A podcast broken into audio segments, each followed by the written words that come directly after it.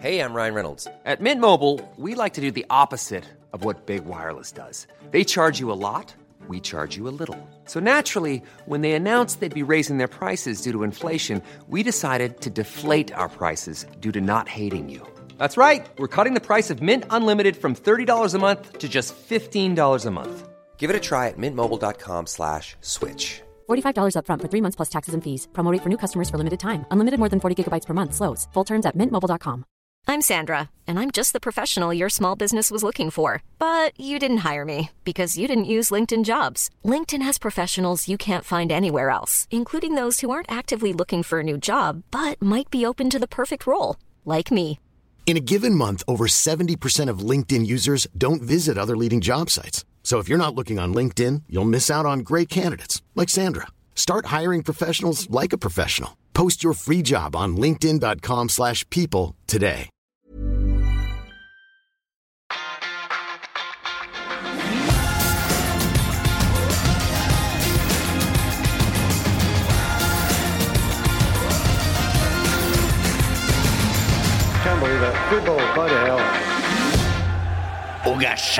Nå begynner det å skje ting altså på Old Trafford. Injos er godkjent av både Premier League og FA, og det jobbes voldsomt i kulissene i uh, Injos-korridorene, Old Trafford-korridorene. De er rett og slett på jobb, Fredrik. Det er det. Jeg vet ikke, det er ikke barna sin skyld, men jeg går rundt og nynner på 'Vi røver bare det vi må', og det som vi behøver. Jeg er litt der om dagen. Så uh, det er utfattelig befriende. Vet du hva, Nå sa jeg ufattelig. Jeg fikk et spørsmål i innboksen med hva er Fredriks favorittord, og hvorfor, favorittord, og hvorfor er det ufattelig? Vi, sta, vi starta der. Ja, Den er grei. Da har du svart på spørsmålet, da. Eh, det jeg skulle si, eh, jeg syns det er veldig deilig eh, at vi er så dårlig vant med at ting tar så lang tid i Manchester United. Ikke nå. Nei. Snakk om å være på jobb fra dag én. Og det er eh, Det er så nye toner, da. altså, eh, og det er noe helt annet enn hva, hva man har blitt vant til. For det er som sier, vi er ekstremt dårlig vant. Vi er jo sultefora på god klubbdrift. Mm. og det skjer ting nå som vi aldri har sett make til eh, hva gjelder eh, Manchester United. Eh, vi har henta inn litt eh, ekspertstemmer i dag, og vi skal begynne med vår eh, egen Bjarte Valen, som snakker om eiersituasjonen, og ikke minst at det er mye som tyder på at Dan Ashbert er på vei inn Old Trafford. Ja, flere av de eh, ansatte i eh, supporterklubben har jo vært samlet i eh, Manchester og på Old Trafford for å jobbe hardt og intenst i et par dager, men det har vi ikke vært alene om. For nå må ikke nå. Nå skjer det saker og ting i Manchester United, og ikke minst i toppledelsen, som er eksepsjonelt spennende. Eh, For jeg tenker så Jim Bratcliffe og hans menn så har det jo vært åpenbart at det har vært veldig viktig å bygge Uniteds nye ledelse fra toppen og ned. Eh, Først ved å hente Omar Berada fra Manchester City som ny CEO, og nå kommer etter alle solemerker Dan Ashworth inn som ny sportsdirektør fra Newcastle. Og jeg tror det kommer til å komme flere ansettelser. Jeg tror det er bare et tidsspørsmål før vi får flere nye nøkkelpersoner på plass. Eh, Når det gjelder Ashworth og Dave Bridesford, så skal de kjenne hverandre ganske godt fra tiden de jobbet sammen i FA. Eh, De deler mange av de samme versjonene og verdiene, og det er en veldig god begynnelse. Eh, Og så må jeg si at måten Ratcliffe, Brailsford og Blang har jobbet på, har vært befriende kjapp. Eh, og det å få de nye folkene på plass så kjapt, det vitner om på ene siden en ekstrem handlekraft, og på den annen side eh, ganske mye mot. Du går rett i erkefienden sin fiskedam og slenger ut snøret og forventer å få napp. Det er litt nye tider i, eh, i eh, Manchester United på det området, og det, jeg må si, det er vidunderlig å se. Eh, Når det gjelder Ashford sine oppgaver konkret, så kommer han til å overta mye av de oppgavene som i dag hviler hos fotballdirektør John Murtog. Og jeg må jo si, Det vil jo være litt overraskende hvis Murtog har en fremtid i Manchester United med tanke på at han nå egentlig vingeklippes totalt. Eh, og når det gjelder Ashworth, så må jeg si han er en interessant mann. fordi at det han har gjort til sin spesialitet, det er å bygge en langsiktig og bærekraftig struktur i de klubbene og organisasjonene han har jobbet for. Og Det høres jo litt sånn kjedelig ut, men det beste eksempelet det finner vi egentlig i Brighton. Når de var tilbake igjen i Premier League, så kostet det de eh, veldig dyrt. Minus 66 og minus 77 millioner pund på de to første årene på eh, overgangsregnskapet. Så kommer eh, Ashworth inn, og han reduserer underskuddene fra 66 og 77 millioner pund til 53, til 30. og så i 21-22-sesongen så går Brighton med et lite overskudd. I eh, 22-23 og 23-24 så langt så har de et overskudd på hver, hver av de sesongene som ligger på eh, rundt 85 millioner pund, etter salg av en rekke spillere, deriblant Moises Caicedo, eh, som nærmest kom for ecuadorianske knapper og glansbilder, og ble solgt til Chelsea som tidenes dyreste Premier League-spiller for ja, det var vel rundt 110 millioner pund. Men det er jo ikke bare spillerlogistikken som gjør at eh, Ashworth har utmerket seg. Eh, han har gjort det med en veldig bevisst og strategisk akademisatsing. Eh, og det er den strukturen som han etterlot seg i Brighton, den kommer til å tjene klubben godt i mange år fremover. Så det kommer ikke som noen overraskelse at han var en av de kandidatene som ble head, eh, eh, En av de kandidatene som, som var ønsket i Newcastle og ble headhuntet til St. James' Park. Og Newcastle går jo rett inn i Champions League i første sesongen hans. Men her møter han jo på en måte litt motgang, eller litt Skal vi si eh, Litt kontroverser, eh, ikke minst i eh, kjøpet av Sandro Tonali fra AC Milan. Burde Newcastle ha gjort mer for å finne ut om hans eh, bettingtrøbbel i hjemlandet? Eh, vanskelig å si. Jeg har snakket med en del eksperter på italiensk fotball som sier at det var det veldig vanskelig å vite noe om. Eh, Men Newcastle satte i hvert fall i gang en uh, interngranskning for å prøve å finne ut uh, hva som skyldtes uh, at de ikke hadde oppdaget det tidligere. Men i FA, det er jo òg litt interessant, for der var han jo med å forme en eh, strategi eh, som det ble kalt for The England DNA, som da var en en helhetlig tankegang for landslagene, og ikke minst hvordan de skulle eh, spille og hvordan de skulle prestere. Og eh, siden han laget den planen, så eh, har jo England vunnet flere internasjonale turneringer på, på aldersbestemt nivå. De kom til finale i EM for herrer, tapte mot Italia, mens kvinnelandslaget de vant EM og tapte VM-finalen. Så i United så kan du si han skal jo ikke bare identifisere unge talenter for så å selge de videre. Det er ikke det som blir hans viktigste oppgave der. Eh, hans viktigste oppgave blir jo først og fremst å finne fremdeles de store diamantene i utenlandsk fotball, samtidig som han skal reindyrke de beste spillerne i Manchester Uniteds eh, tradisjonsrike akademi. Så blir det sikkert en dragkamp om kompensasjon for å løsrive han for kontrakten, men jeg tror egentlig det kommer til å løse seg ganske kjapt. Eh, Newcastle er ikke tjent med å sitte og la dette tvære ut, og de er heller ikke tjent med å prøve å tvinge han til å bli hvis han vil til Manchester United. Eh, Vi får en mann her som er flink til å bygge relasjoner. Han skaper struktur, og han skaper en kultur for suksess. Eh, Og så Alex Ferguson var en av som tipset United-ledelsen i sin tid om Ashworth for et par år siden.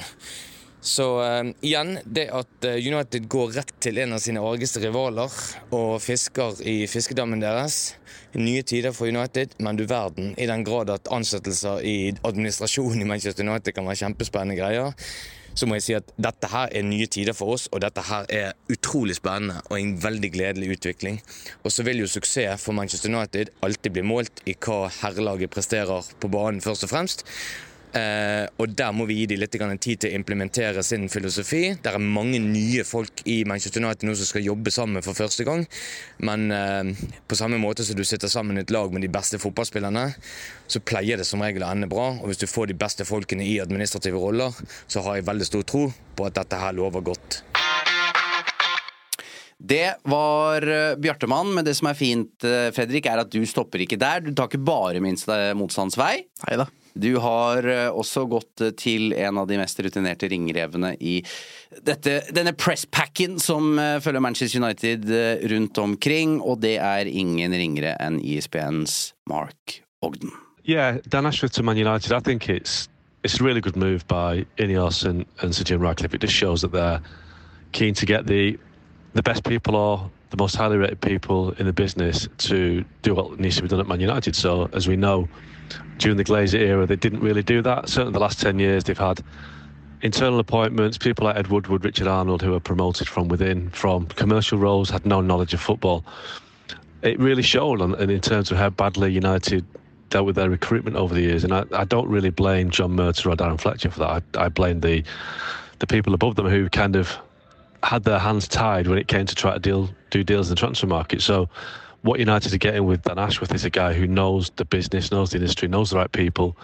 He will appoint people to head up the structure, you know, I've done a piece today about Sam Jewell, the Brighton head of recruitment, who's somebody that Dan is quite keen to work with again. I think Jason Wilcox at Southampton, the former Man City academy director, he's also in the frame. So United are certainly looking to appoint the best people for the jobs, and they're trying to build a structure which needs to be built from scratch, from nothing, because the Glazers just allowed people that re- weren't really qualified to do it. So it's a great idea to, to bring him in. It's much needed, and I think it's a sign that Man United are getting back on the right track. And it might take maybe a year, 18 months for it to, be- come to fruition, but they got the experts in place now, and that's only a good thing. Uh, I just love United. Da har vi hørt eh, to dyktige menn eh, kommentere den siste uka. Det er jo utenfor banen eh, det på en måte er utvikling og skjer nå, og godt er det. Det er jo det vi har etterlyst. Men hva er det du liksom sitter igjen med etter de siste dagene her? For det begynte jo da Ornstein i The Athletic begynte her, smalt nyheten. For det gikk jo mye rykter om at The Director of Football of Newcastle ikke var interessert i dette her. Det var jo lagt litt dødt en periode, så det ut til, men så skjedde et eller annet. Ja, og det, det som vi har hylla dem for også, er det at det ikke har vært noen lekkasjer. Så nå er det en annen type spill, da, opplever jeg. At nå satser man litt høyere. Fordi hvis det er noen av disse navnene som nå har dukka opp, det er tre navn, da, bare for å ta det med en gang. Og det er jo Sam Jewell fra, fra Brighton, som også Chelsea ønsker seg. Og så er det Jason Wilcox fra Southampton, som har jobbet tett med Omar Berada tidligere. Og så er det Dan Ashworth, Ashworth og ikke Dean Ashton, som vi driver og kaller den før vi går på her. Eh, Det er de tre navnene som det nå visstnok jobbes med eller vurderes, eller som er i en sånn kartleggingsløype. Eh, Så nå er det ikke så at United bare har plukka disse navnene uten at vi har fått noe info på forhånd. Så nå føler jeg at de, det er større sjansespill. Hva om de ikke får tak i disse? Det virker som Ashworth går i orden. Spørsmålet er når eller hvor mye det kommer til å koste. Men jeg syns det er en type selvtillit her som er veldig befriende. De har gått inn inn i oss fra dag én. De har snakka med spillerne, støtteapparatet, trenerteamet og alle ansatte i United. Og, Og fansen. Og fansen. Og solgt inn en helt ellevill pakke, da. Som alle har kjøpt, og som de virker veldig Eller vi virker veldig gira på, da. Og så følger de opp med å bare slå ned den ene spikeren etter den andre. For det er der nøkkelen ligger, ikke sant? Det, det gjør at dette prosjektet får en helt sånn ellevill flying start, da. Og det tenker jeg også Det forventa jeg litt også, fordi det handler om å bygge momentum, da. Hvordan skal vi selge nett og, og skape troverdighet og entusiasme?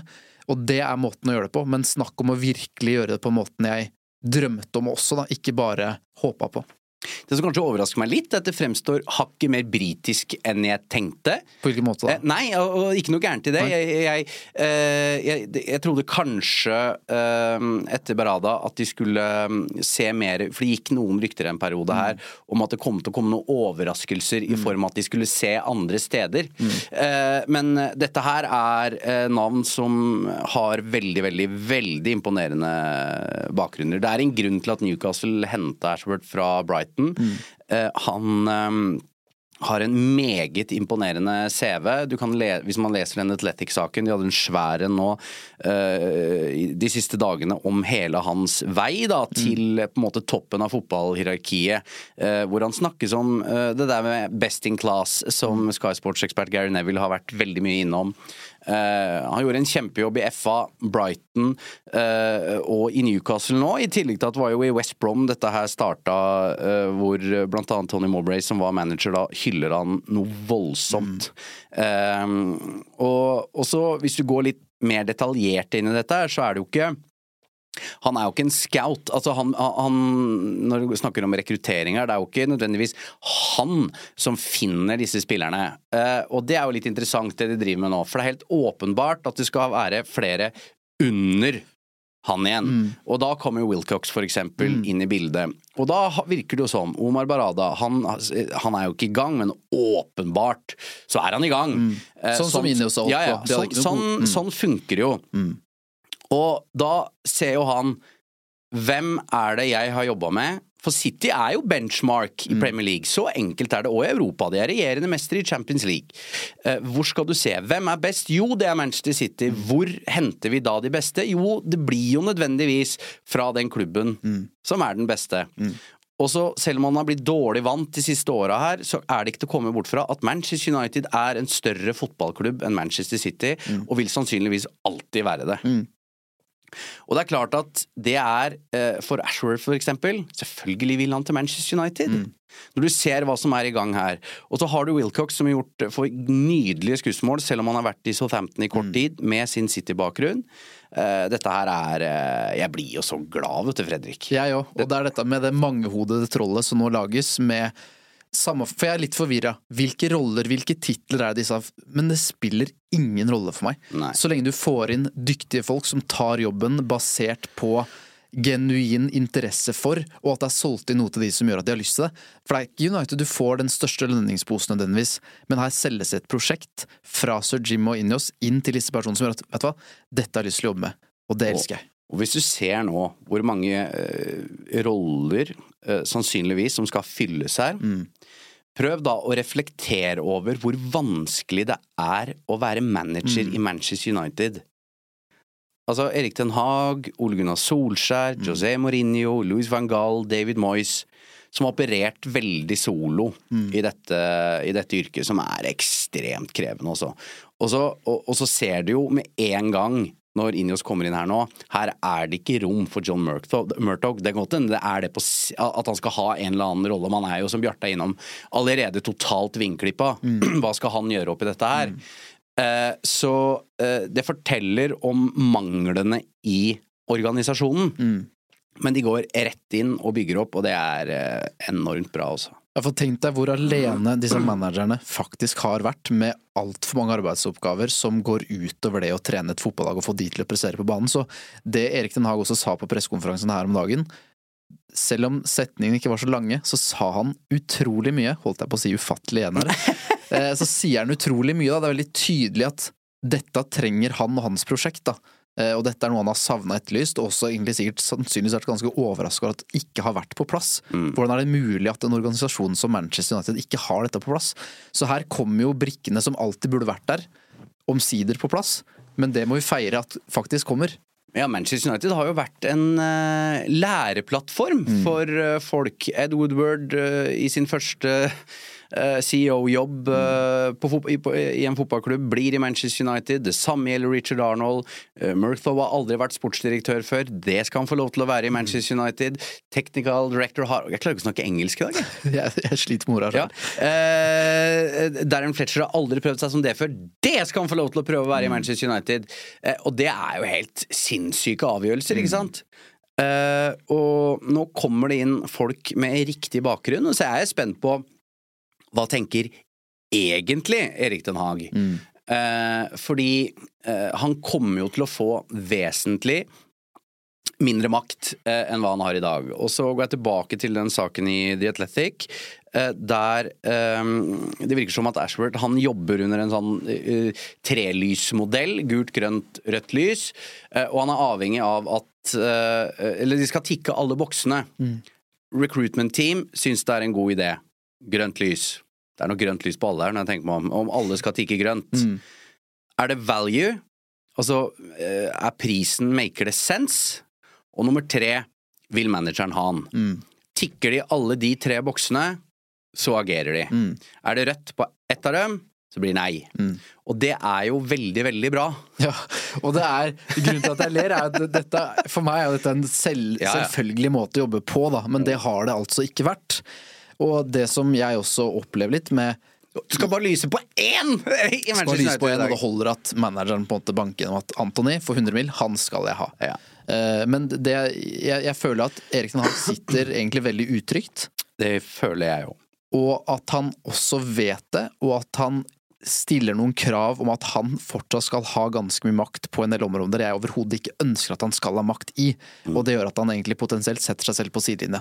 Ja, men det jeg eh, tenker litt som på en måte taler i hans favør, er at han slår meg litt som en type som manageraktig eh, Dan Ashworth har vært borti før. Eh, og jeg skal ikke sammenligne de, men uh, uh, de han har hatt i, i Brighton, med, med Potter for eksempel, er jo heller ikke den derre sprudlende karakteren som angriper media og sjarmerer deg i senk på en pressekonferanse. Det gjelder jo også Gareth Southgate, som han jobba tett med på det engelske landslaget. Eddie Howe er jo heller ikke det mest sexy valget, eh, selv om bare det jeg har sagt, Howe var ansatt eh, da han kom inn, men han var jo med på å forlenge kontrakten hans. Eh, Så godt hende dette her er en god match, men det også Ashbert eh, har prata om før, det er at det viktige med en director of football, eh, og at det er en organisasjon over, er at en fotballklubb kan ikke være managerstyrt, som, som jeg snakka til det kjedsommelige om i denne fotballklubben. For før var det sånn at en manager valgte sitt, eh, sitt trenerteam, hvem skulle trene eh, reservelaget, hvem skulle være ditt. Det var manageren som plukka ut rollene, og i det øyeblikket da en manager må gå, så er du utrolig sårbar. Det kan ikke funke sånn, for da må du skifte ut så enormt mange i det øyeblikket en manager er ferdig. Så altså, jo lenger vi får Sir Alex-prosjektet på avstand, jo mer forstår vi hvorfor United er i den situasjonen de er i. Absolutt. Ja. Uh, og eh, det, det har vært eh, Dette har vært en av de bedre ukene i Manchester Uniteds historie på post Ferguson. La meg si litt hvorfor jeg er så gira på Dan Ashworth, er så positiv til det. Det er jo det man leser, da, med hvor mange gode egenskaper han tilsynelatende har, og ikke minst de særdeles gode skussmål han får fra alle han har jobba med. Han får ufattelig gode skussmål, gjør han ikke? Sånn, jo, jo. Sa jeg det igjen? Nei, jeg bare sa jeg ville bare det. Oi, oi, jeg skal ikke mer enn det til for å sette ut meg, men det veit du alt om. Men for min del, eh, han har jo denne artikkelen Langan har skrevet om hvordan han jobber. Og det jeg bet mest merke i, er egentlig det DNA-et han ønsker å skape. På, altså en rød tråd i hele klubben. Sammenkoblingen mellom alle avdelingene og klubben som helhet. Og satsingen på unggutter. Det er kanskje mest spennende for min del. Og det handler ikke bare om spillerne, men det er et sitat her som jeg skal lese for dere på engelsk. Å nei, jeg er spent. Jeg er ufattelig spent! Jeg tar det rolig. Of all the things I've learned as a technical director, the big one is that it is about giving young people a chance. That might be a young coach, a young player, a young physio. You don't know quite what they can do until you give them an opportunity. Og det er musikk i mine ører, Jon Martin. Ja, og han fikk jo eh, underskuddet i, eh, i Det var jo kjempeunderskudd i Brighton, han klarte å snu det. Uh, spillere som Ben White som, som kom gjennom der, uh, og det kan han jo beviselig vise til at, eh, at det har vært viktig for han, og det, og det gjør jo en fotballklubb bærekraftig, da. Eh, så jeg klarer ikke å se eh, Og nå, nå skal det sies, han er ikke klar for Manchester United. Det må vi bare understreke. Han er ikke signert. Eh, må nok gjennom en eh, omfattende gardening leave òg. Og det innebærer bare at du Hva heter det? Karantenetid, karantenetid, rett og slett. med mindre United kjøper den ut. Ja, og det For kan bli som- svindyrt. Og så er jo det helt andre summer enn Man opererer med helt andre summer når det er støtteapparat kontra spillere. Mm. Men det er jo også tak, selvfølgelig. Eh, Men hva en spinnvill sum for en technical director er, den er jo selvfølgelig betraktelig lavere enn det ville vært for en spiller. Sannsynligvis. Ja, ja, ja. Eh, Men dette handler jo om at han sitter i en jobb i Newcastle hvor han er dypt inne i sommertransfervinduet til, til en fotballklubb. Uh, Han veit om ting. eh, Så, så dette handler jo Dette er forståelig. Da. Sånn funker det jo i næringslivet. Eh, Statsråder har jo det når de går av eh, for å gå inn i, sånne, i, i ulike typer jobber. Så så dette er jo vanlig prosedyre. Eh, Newcastle brukte jo en del penger for å forkorte ned den tiden da han gikk fra Brighton. Um, så alt tyder jo på at det, det blir han. Eh, fordi eh, det hadde vært ballsy av han. eh, for dette er jo han med på å styre hva som skjer her. Eh, det kommer jo fra et sted, eh, disse, disse nyhetene. Jeg sier ikke at han er eh, på tråden til engelske journalister og feeder de, men dette er, dette er en- styrt fra et eller annet sted, da. Det har gått for langt nå, sånn som jeg leser det, til at ikke er noe reelt i det. Fabrizio Romano har også skrevet at Ashworth har gitt United sitt ja, Mm. eh, og lekkasjen om at Newcastle frykter at de kommer til å miste han United mer og mer selvsikre, ifølge Samuel Lucker, som at de får han. Så her skal det veldig mye til da, for at dette ikke går i orden. Så er spørsmålet heller når enn om, for min del. Skulle jeg kjøpt eh, meg en United-drakt i dag, så hadde det stått 'Director of Football' på ryggen. Å nei, du, dette er ikke noe for meg. Ja, dårlig jingle, men dette er noe for deg. Dette er noe for meg. Eh, dette er definitivt noe for meg. Jeg fikk Eh, panikk og trykka. ja, jeg ja, var skjelven etter at jeg leste på engelsk. Ja, det gikk så fint, så det gikk takk. ufattelig bra. Uh, vi har fått en del spørsmål, har vi ikke det, Fredrik? Masse. Og vi kan jo starte med de som er relatert til eierskapet. Christer spør om vi ser en sammenheng mellom hvordan laget presterer nå, og det Inios foretar seg nå. Eh, ja jeg, jeg, jeg tror det henger litt jeg, Jeg tror det, Det har sprer jo energi. Ja, jeg tror det har en positiv uh, virkning. Det, er, det er jeg helt sikker på. Uh, jeg syns jo for mange har underspilt Eller eh, det, er mange fra utsiden som ikke følger Manchester United, eh, enten som journalist veldig tett eller supporter. De som på en måte følger Premier League, eh, er mer sånn Ja, men det, glaser, det er ikke Glazer som taper fotballkamper. De misforstår og uh, forstår går, går til veldig sånne enkle slutninger. Ja, men de kommer jo med masse penger. Ja, så mener vi at pengene er brukt feil. De er med på å spre en ukultur eh, fra topp til bunn. Og det er klart at når en spillertropp, en manager, får vite at vet du hva, nå tas det grep her, eh, det har jo noe å si. Og så skal vi ikke underspille heller at Erik Den Haag har en bedre tropp til rådighet nå enn han har, har hatt tidligere i sesongen. Så jeg tror de to tingene sammen har vært veldig positive for United. Jeg tror heller ikke vi skal overdrive at liksom, å, det er derfor, men jeg tror at når det er negativt under Glazer, så blir det veldig selvforsterkende og sprer seg over hele organisasjonen, Ja. også blant spillerne. Og på lik linje med at når det nå er noe positivt, så får du drahjelp, og at det blir selvforsterkende positivt. At spillerne merker at det er en ny giv kanskje rundt alle de ansatte, som igjen smitter over på de, og så hjelper det å plukke trepoengere, få tilbake gode fotballspillere fra skader, og ta poeng. Det blir jo litt som å be en ungdomsskoleklasse lese fire kapitler uten at læreren er i rommet. Lykke til. Eh, ja, det, det er sånn eh, Sjefer må være til stede. Eh, og én ting er jo at det kommer inn en CEO, director of football, eh, technical director, head of recruitment, at det er på vei inn. Eh, Men så skal du heller ikke underspille at Brailsford er til stede, Blank er til stede, Ratcliffe har vært til stede. Og bare det, det trehodede trollet der eh, er jo også en helt ny presence og kunnskap, som også skal jobbe med dette her hver dag.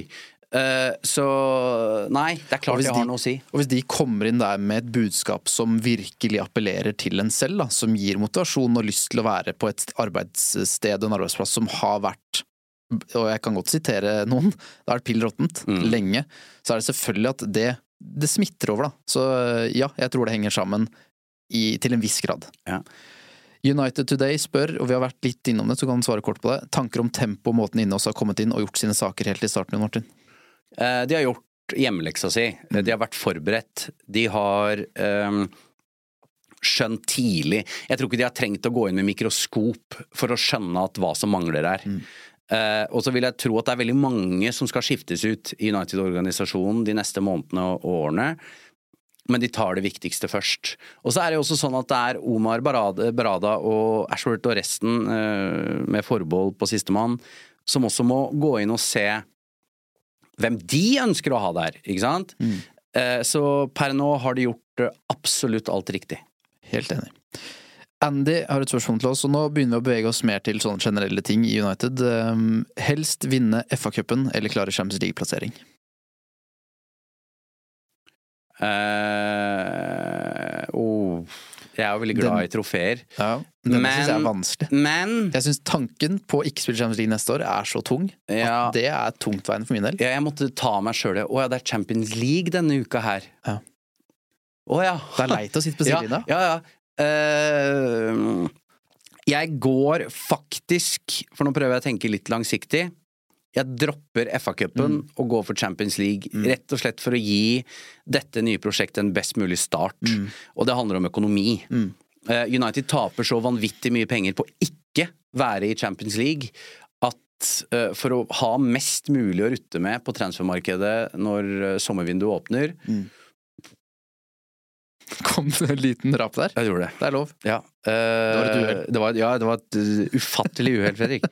uh, jeg tror jeg går for Champions League Nei, ja, Champions League, altså. Og det smerter meg å si. Jeg har veldig lyst på tur til, Wembley. Ja, fordi vi skal ikke underspille viktigheten av å vinne et trofé, men for min del er det mer, som du liker å si, ren øyeblikks lykke. Mm. Det å vinne FA-cupen, mens langsiktigheten i Champions League og det å være med det, det er en turnering som varer over så lang tid, da. At det å ikke, være, det å ikke få være med der vil ha så stor betydning, både økonomisk, men også opplevelsene for oss som supportere, men også rekrutteringen som skal gjøres her. Da. Så for min del så tror jeg Champions League er viktigere på sikt, og så hjelper det at United tok et trofé i fjor. Mm. At, at det går an å gå troféløs i år, da er det viktigere med Champions League for min del, tenker jeg. Men ja takk, begge deler. Selvfølgelig. Ja. Ryan Reynolds here from Mint Mobile. With the price of just about everything going up during inflation, we thought we'd bring our prices down. So to help us, we brought in a reverse auctioneer, which is apparently a thing.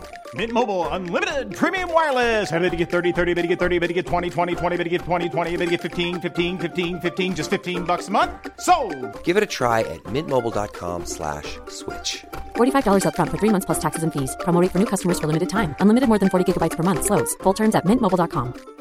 I'm Sandra, and I'm just the professional your small business was looking for. But you didn't hire me because you didn't use LinkedIn jobs. LinkedIn has professionals you can't find anywhere else, including those who aren't actively looking for a new job but might be open to the perfect role, like me.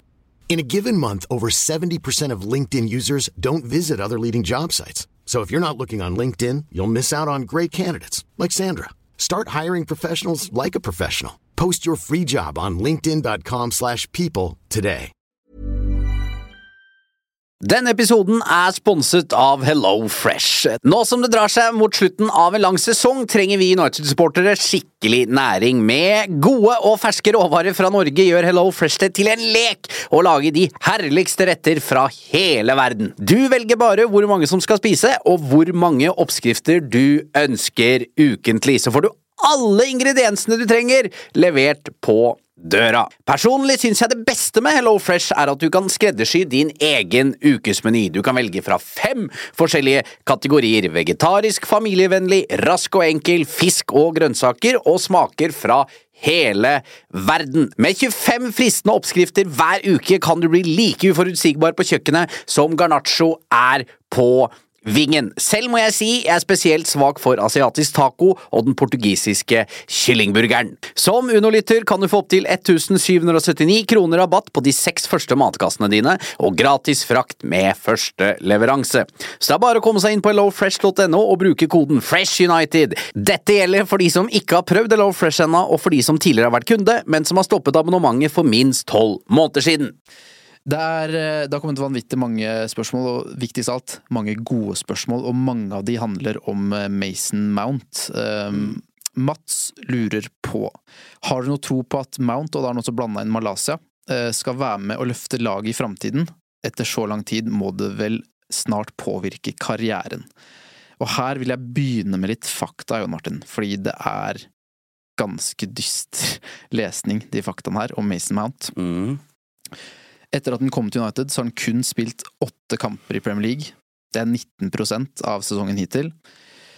Han var ute i 37 dager fra august til september, og da mista han seks kamper for United.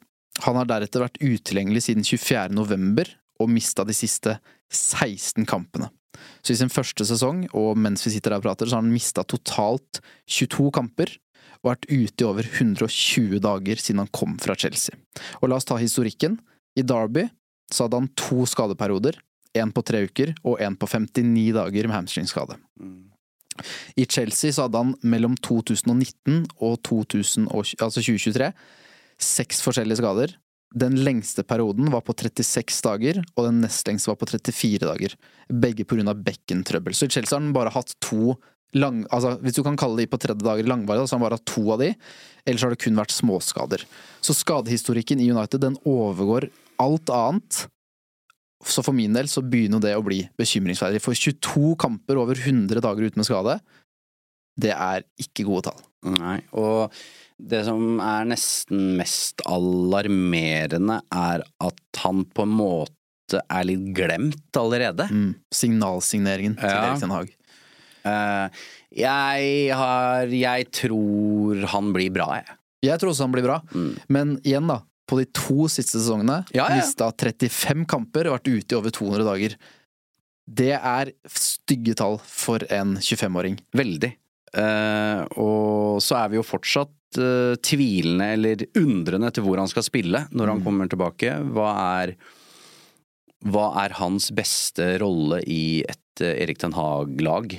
Og nå er vi på tampen av 2023-2024-sesongen, Ja. og vi lurer fortsatt på det fordi han ikke har kommet i gang. Ja. Eh, Så hva gjør det med tanken inn mot sommeren for United sin del?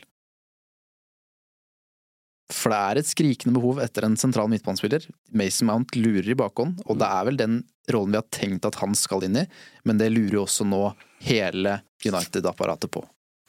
jeg jeg, ja, det, det gjør det. Eh, jeg, jeg regner jo med han. Mm. Eh, og de må nesten regne med han. Eh, fordi eh, dette har vært en ordentlig møkkasesong for, eh, for Mason Mount, eh, og alt det derre Ståket med eget eh, legeteam og, og sånne type ting. De virker som om de tar De har jo tatt allerede grep på, i, i helseavdelingen i United, og der skal det sikkert skje mer også, vil jeg tro. Jeg er litt usikker på hvor mye vi har delt. Jeg tror vi snakka mest om dette på Carls. Ja. Skal vi ta en kjapp Ta en recap? kjapp uh, recap.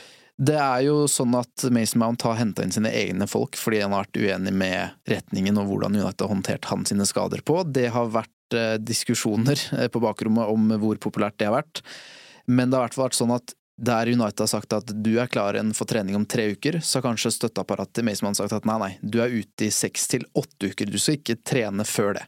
Og det skaper jo en uenighet, og det har skapt til forsinkelser i rehabiliteringen. Det har skapt uenighet om når han skal være tilbake på feltet, som har gjort at når både United og Chelsea ment, eller ikke Chelsea, men hans støtteapparat, eh, har ment at nå er du egentlig klar, så har gnisningene der gjort at det har drøyd likevel, da. Så hvor skada han er nå, eller hva som faktisk foregår, jeg aner ikke. For nå er han jo i Vi har jo sett noen treningsbilder, og det er ikke godt å det er det som er problemet. Han er plutselig på treningsbilder, og så er han borte i tre uker, og så er han tilbake igjen. Så her er det noe som skurer. Jeg skal ikke spekulere eller late som jeg vet hva, for nå aner jeg ikke.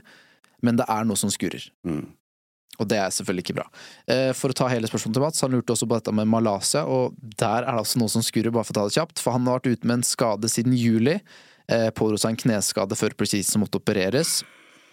I oktober snakka jeg med en kilde som sa eh, er to til tre uker unna. Eh, venter bare på grønt lys fra etterpå at han skal gjenoppta full trening. Eh, sjekka i går, og da spurte jeg hva er status. Eh, nå blir kortene holdt veldig tett i brystet. Eh, jeg fikk 'He's working very hard. It depends on the club'. Malaysia har mista 34 kamper og vært ute i over 200 dager. Så det også er Og United, den nye policyen da, med å holde skader veldig hemmelig Det hemmeligholdes veldig. Det er veldig lite som kommer ut angående skader. Det er en ny policy som Ten Hag har innført.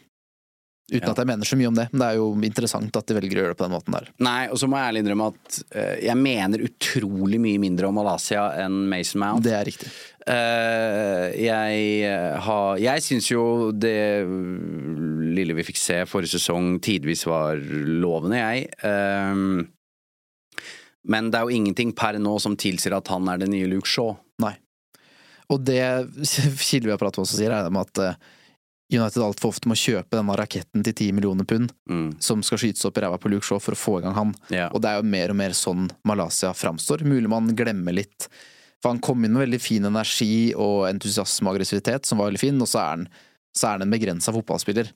Eh, Så han er jo ikke en reell utfordrer, men eh, Luke Shaw sin skadesituasjon gjør at United også da potensielt må ut på markedet ganske snart og finne en løsning der. For han er så viktig at United trenger en som er så god som han, som kan spille fast en posisjon, og det er jo ikke Luke Shaw kapabel til. Nei. Det er eh, mange som lurer på hva vi tenker om realistisk tabellplassering. Jan, eh, Jan Vegard, Helen og Eirik lurer på hvor United ender på tabellen. Mats påpeker at det historisk sett holder med 70 poeng for å komme på femteplass. Mm. I så fall må United på sine siste 14 kamper oppnå ni seire og to uavgjorte på sine siste 14. Og United har igjen Luton, Fulham, City, Everton, Sheffield United, Brentford, Chelsea, Liverpool, Bournemouth, Newcastle, Burnley, Palace, Arsenal og Brighton. Høres ut som det er mulig å få ni seire for dette, Martin. Ikke med, ikke med denne sesongen som referanse. Nei. Ehm, dette Jeg tror ikke Aston Villa holder helt. Nei. Det er litt sånn Sier jeg bare på ubegrunna De har litt skader, de har begynt å tape poeng. Uh, Tottenham er jo ikke det Tottenham som uh, blåste Premier League av banen i, uh, i starten av sesongen her, men de, de, de karrer seg jo til resultater og, og, og graver dypt. Vinner sju minutter på overtid der, ja. Den Ja. var kjip. Eh, jeg sa vel i forrige episode at jeg har en følelse at United blir nummer fem.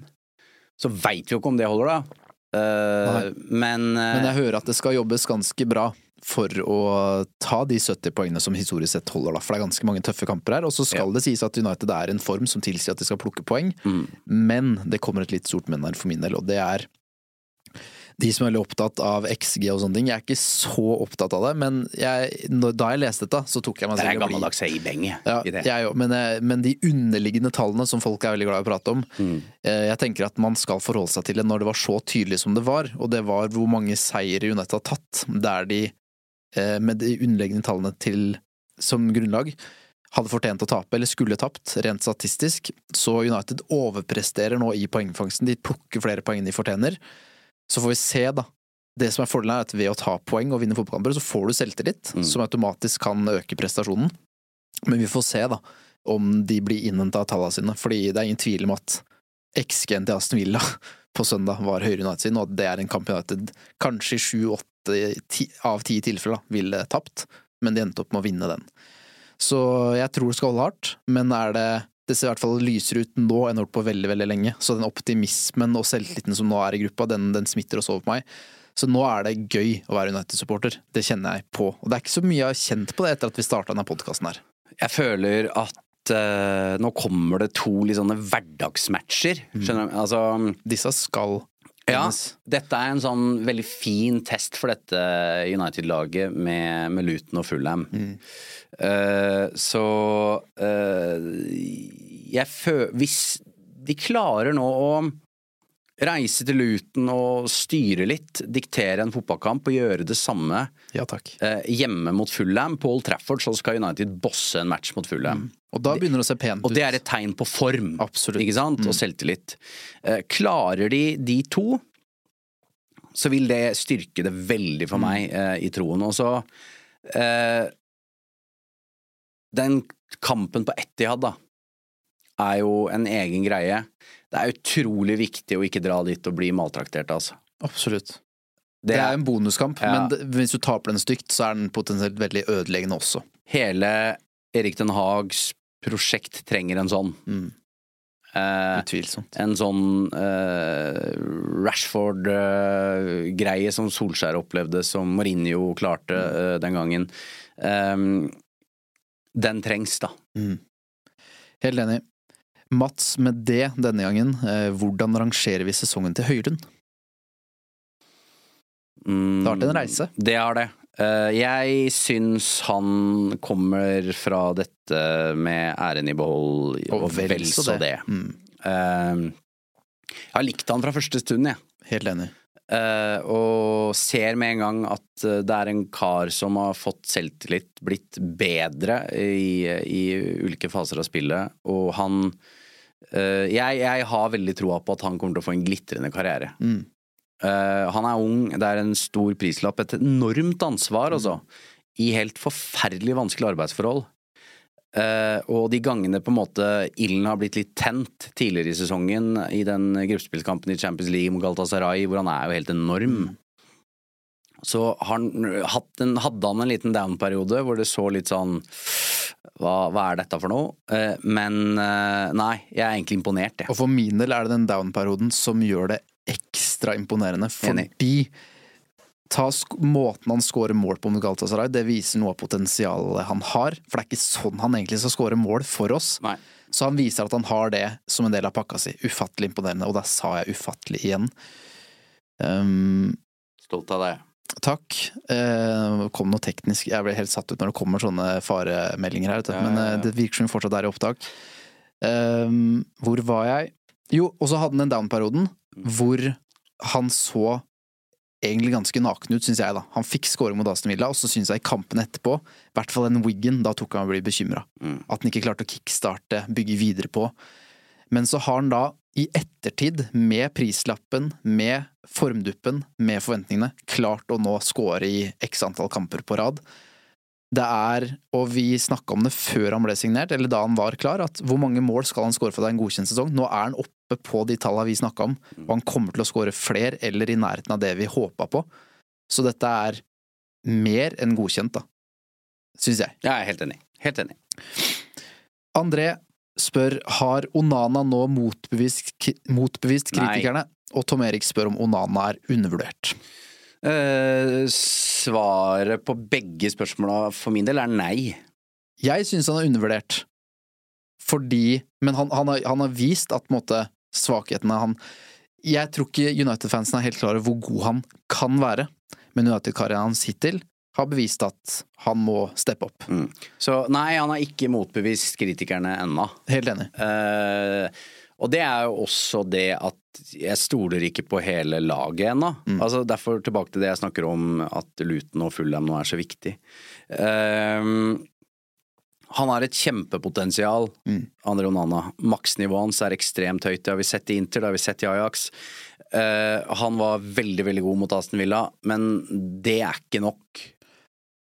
For det er bekreftelse på at han i enkeltkamper er god nok og har kvaliteten og ferdighetene, så må han gjenskape det. Ellers har ikke dette vært noen verdens ting. Da. For nå må han gjøre dette i fem-seks kamper på rad, sånn at vi får tilbake selvtilliten, eller tilliten til han, og at det sprer seg i laget. For hvis ikke så er dette nytteløst. Og så tror jeg så lenge han er keeperen til United, så må man forvente at eh, en eller annen gang i ny og ne så kommer det lurer seg en ball mellom beina, eller at han klumser i feltet eller et eller annet, for han spiller med høy risiko blant annet. Eh, men han må være stabilt god over tid. Og det har han ikke vært i United ennå, så det, det må komme. Og så er det, mens vi snakker om bare fascinerende hvor mye den keeperrollen har endra seg de siste årene. Fordi før var det at du sto og frøys i 70 minutter, så måtte du ta den ene sjansen som kom. Nå er du aktiv. Nå er du aktiv. Det er 26 skudd imot i løpet Ja, av ja. match, og du skal være våken hele tiden. Da.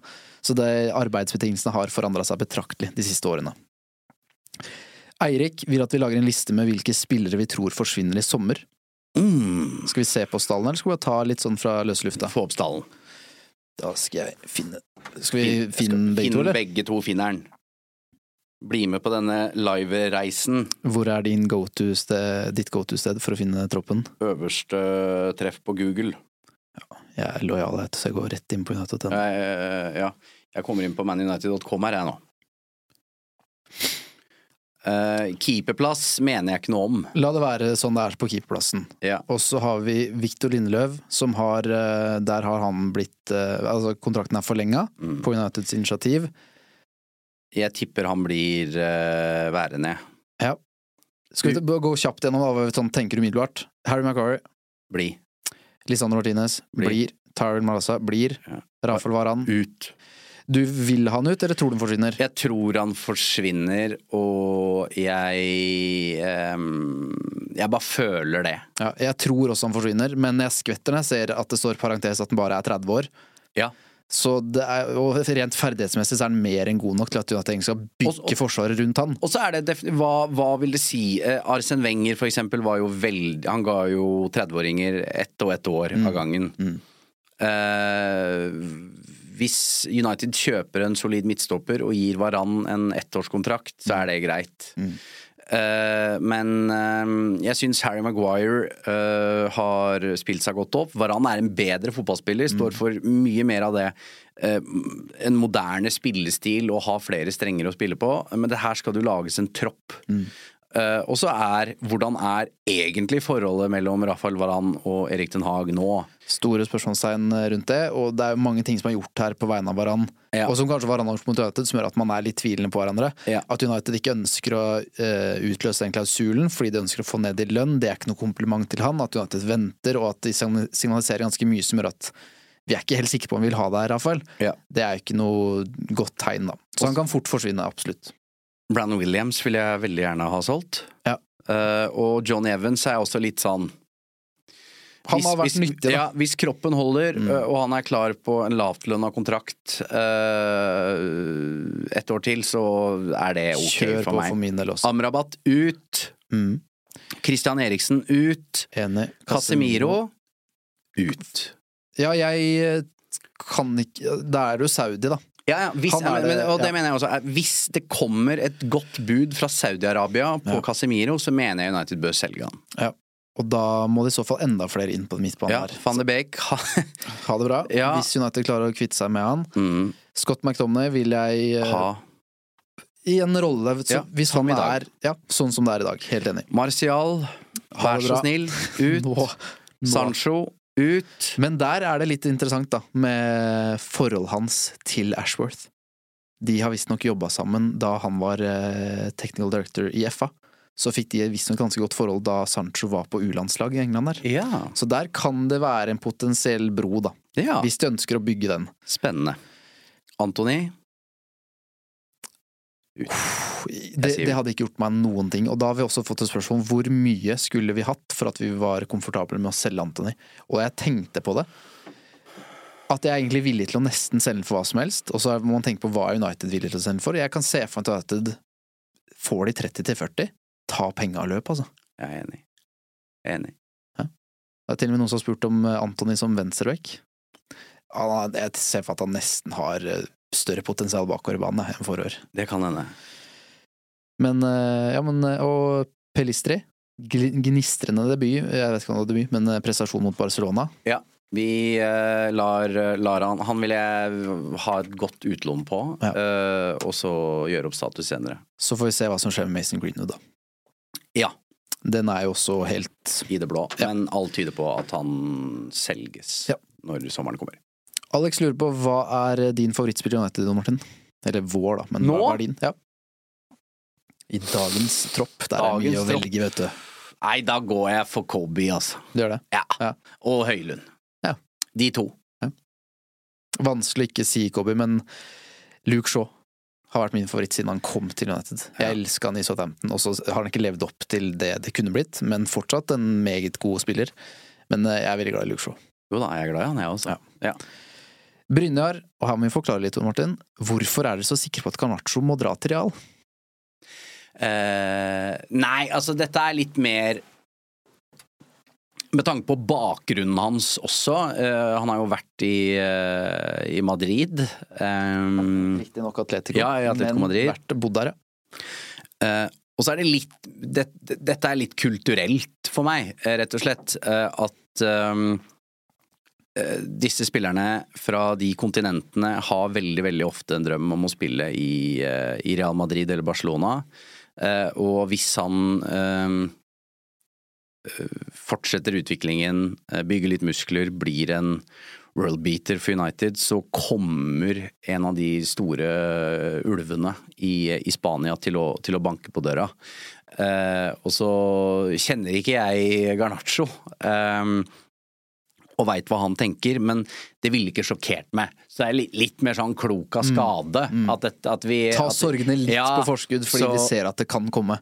ja, jeg, jeg- altså Rasmus Høylund har ikke den drømmen, på lik linje med eh, en kar som Garnaccio, tror jeg. Mm. Uten at jeg bor inni uh, i hodene deres. Det, er- det, er, det er sagt på, spøkefullt Ja, ja. når vi sier det, men det er litt sånn en som er født og oppvokst i Madrid, og som har spilt i Atletico, som har da Spania som hatt, hatt Spania som sitt hjemland. Det er Mm. ikke drømmen nødvendigvis å ha hele karrieren sin i et land som England med den de værmessige forholdene der, og United som klubb. Og hvis ikke United heller snart blir en ordentlig toppklubb å regne igjen, Mm. så kan jeg se for meg at hvis Garnaccio har den utviklingen, utviklingen vi regner med at han skal ha, så er det et sånn typisk som ville skjedd, da. Kan jeg komme med et salgsdilemma til deg? Ja. Saudi-Arabia byr 60 millioner pund for Bruno Fernandes. Yay or nay? Nei. Nei. Det er veldig lett å si ja nå, fordi jeg er så kritisk og irritert over den dårlige formen og, og sutringa hans, at jeg, er litt mett på Bruno akkurat nå. Men nei. Jeg tror jeg hadde tvilt mer hvis du sa Rashford. Oi, det syns jeg er sykt å melde. Det synes jeg er sykt Jeg hørte at det var sjukt å si når jeg sa det.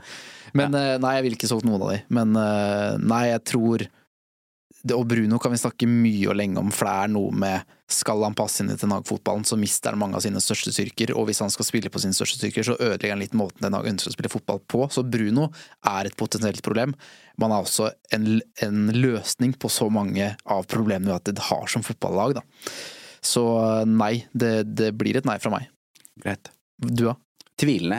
Må, ja. det, det, det må vurderes nøye. Ja. Mm. Han er på feil side aldersmessig. Ja. Ja da, men det er, det er større problemer i United-stallen enn Bruno, og det er ikke der jeg jeg begynt, men det er, det er et godt dilemma. Det er jeg helt enig i. Um, vi begynner å nærme oss slutten her. Uh, Mobrenna spør er det lov å håpe at Shaw er ild og blir spart til viktigere kamper, og da er jeg sånn kjedelig fyr at for meg er det neste, kamp, neste kampen det er den viktigste. United har ikke noen posisjon til å spare en så viktig spiller som Luke Shaw om han er frisk. Han er så viktig for at United-laget skal plukke poeng og spille gode fotballkamper. Så nei, jeg håper han er frisk og spiller mot Luton. Ja, det viktigste oppi dette her akkurat nå er jo at det virker som de snakka sant fra første stund om at dette her var en precaution-greie, og at de tok han ut mot Villa eh, for å være på den sikre siden. Eh, og det håper jeg gjentar seg mot, mot Luton. At hvis det, er, hvis det er bare et knepp prosent av tvil om Luke Shaw er klar til å spille, så, så la han slippe. For um, Helt enig. Det må vi.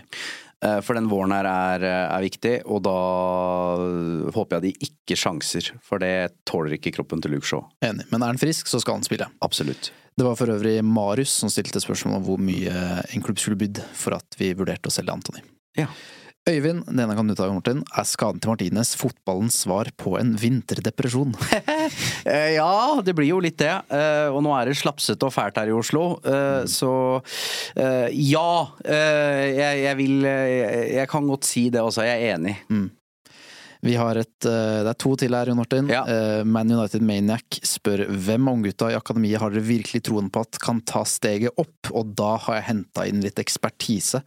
Håkon Aaberge, som er vår mann på dette området, han har sendt meg et svar på Teams. Det er sånn vi gjør det her i supportklubben.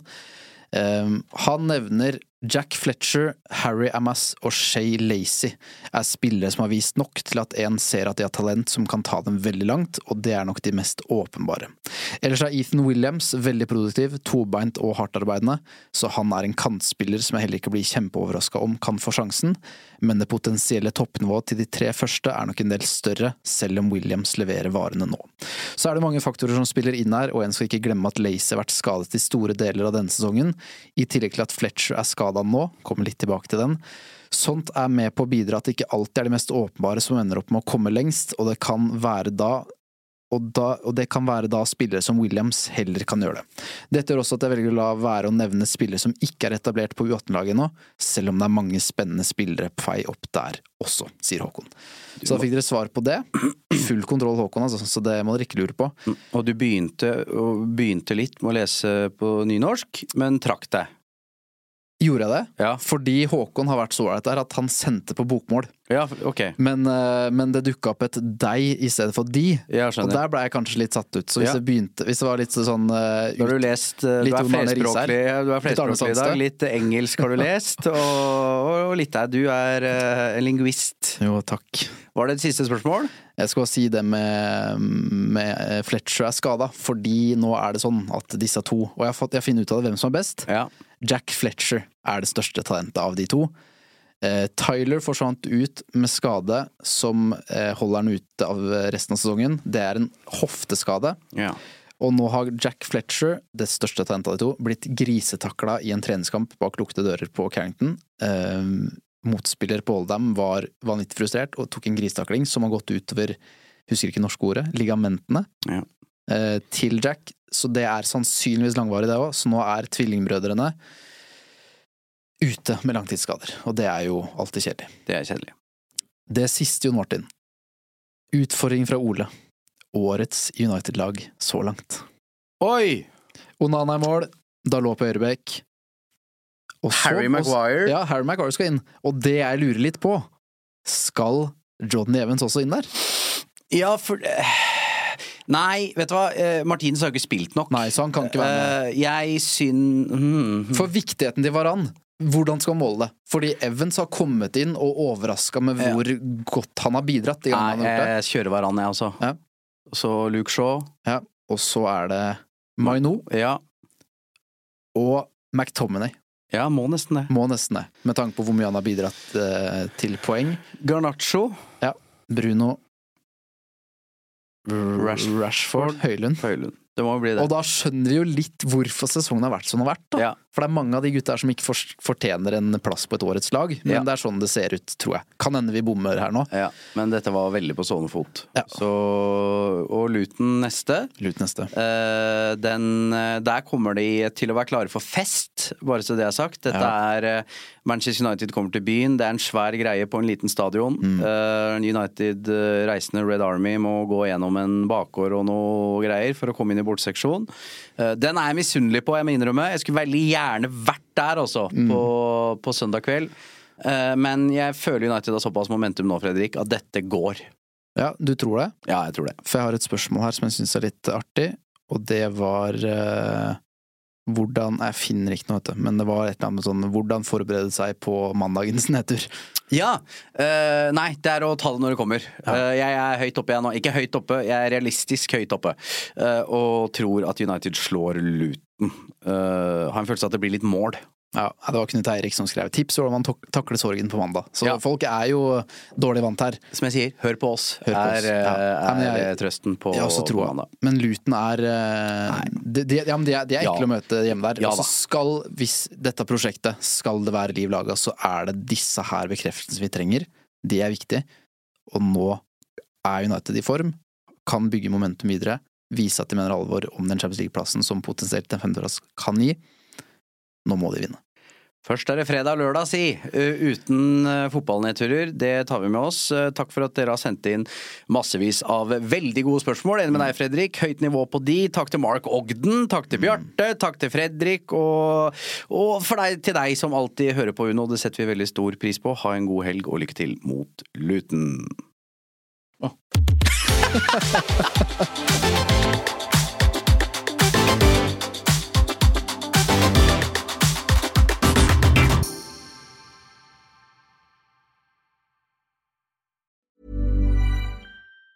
Planning for your next trip? Elevate your travel style with Quince. Quince has all the jet setting essentials you'll want for your next getaway, like European linen, premium luggage options, buttery soft Italian leather bags, and so much more. And it's all priced at 50 to 80% less than similar brands. Plus, Quince only works with factories that use safe and ethical manufacturing practices. Pack your bags with high-quality essentials you'll be wearing for vacations to come with Quince. Go to quince.com slash trip for free shipping and 365-day returns.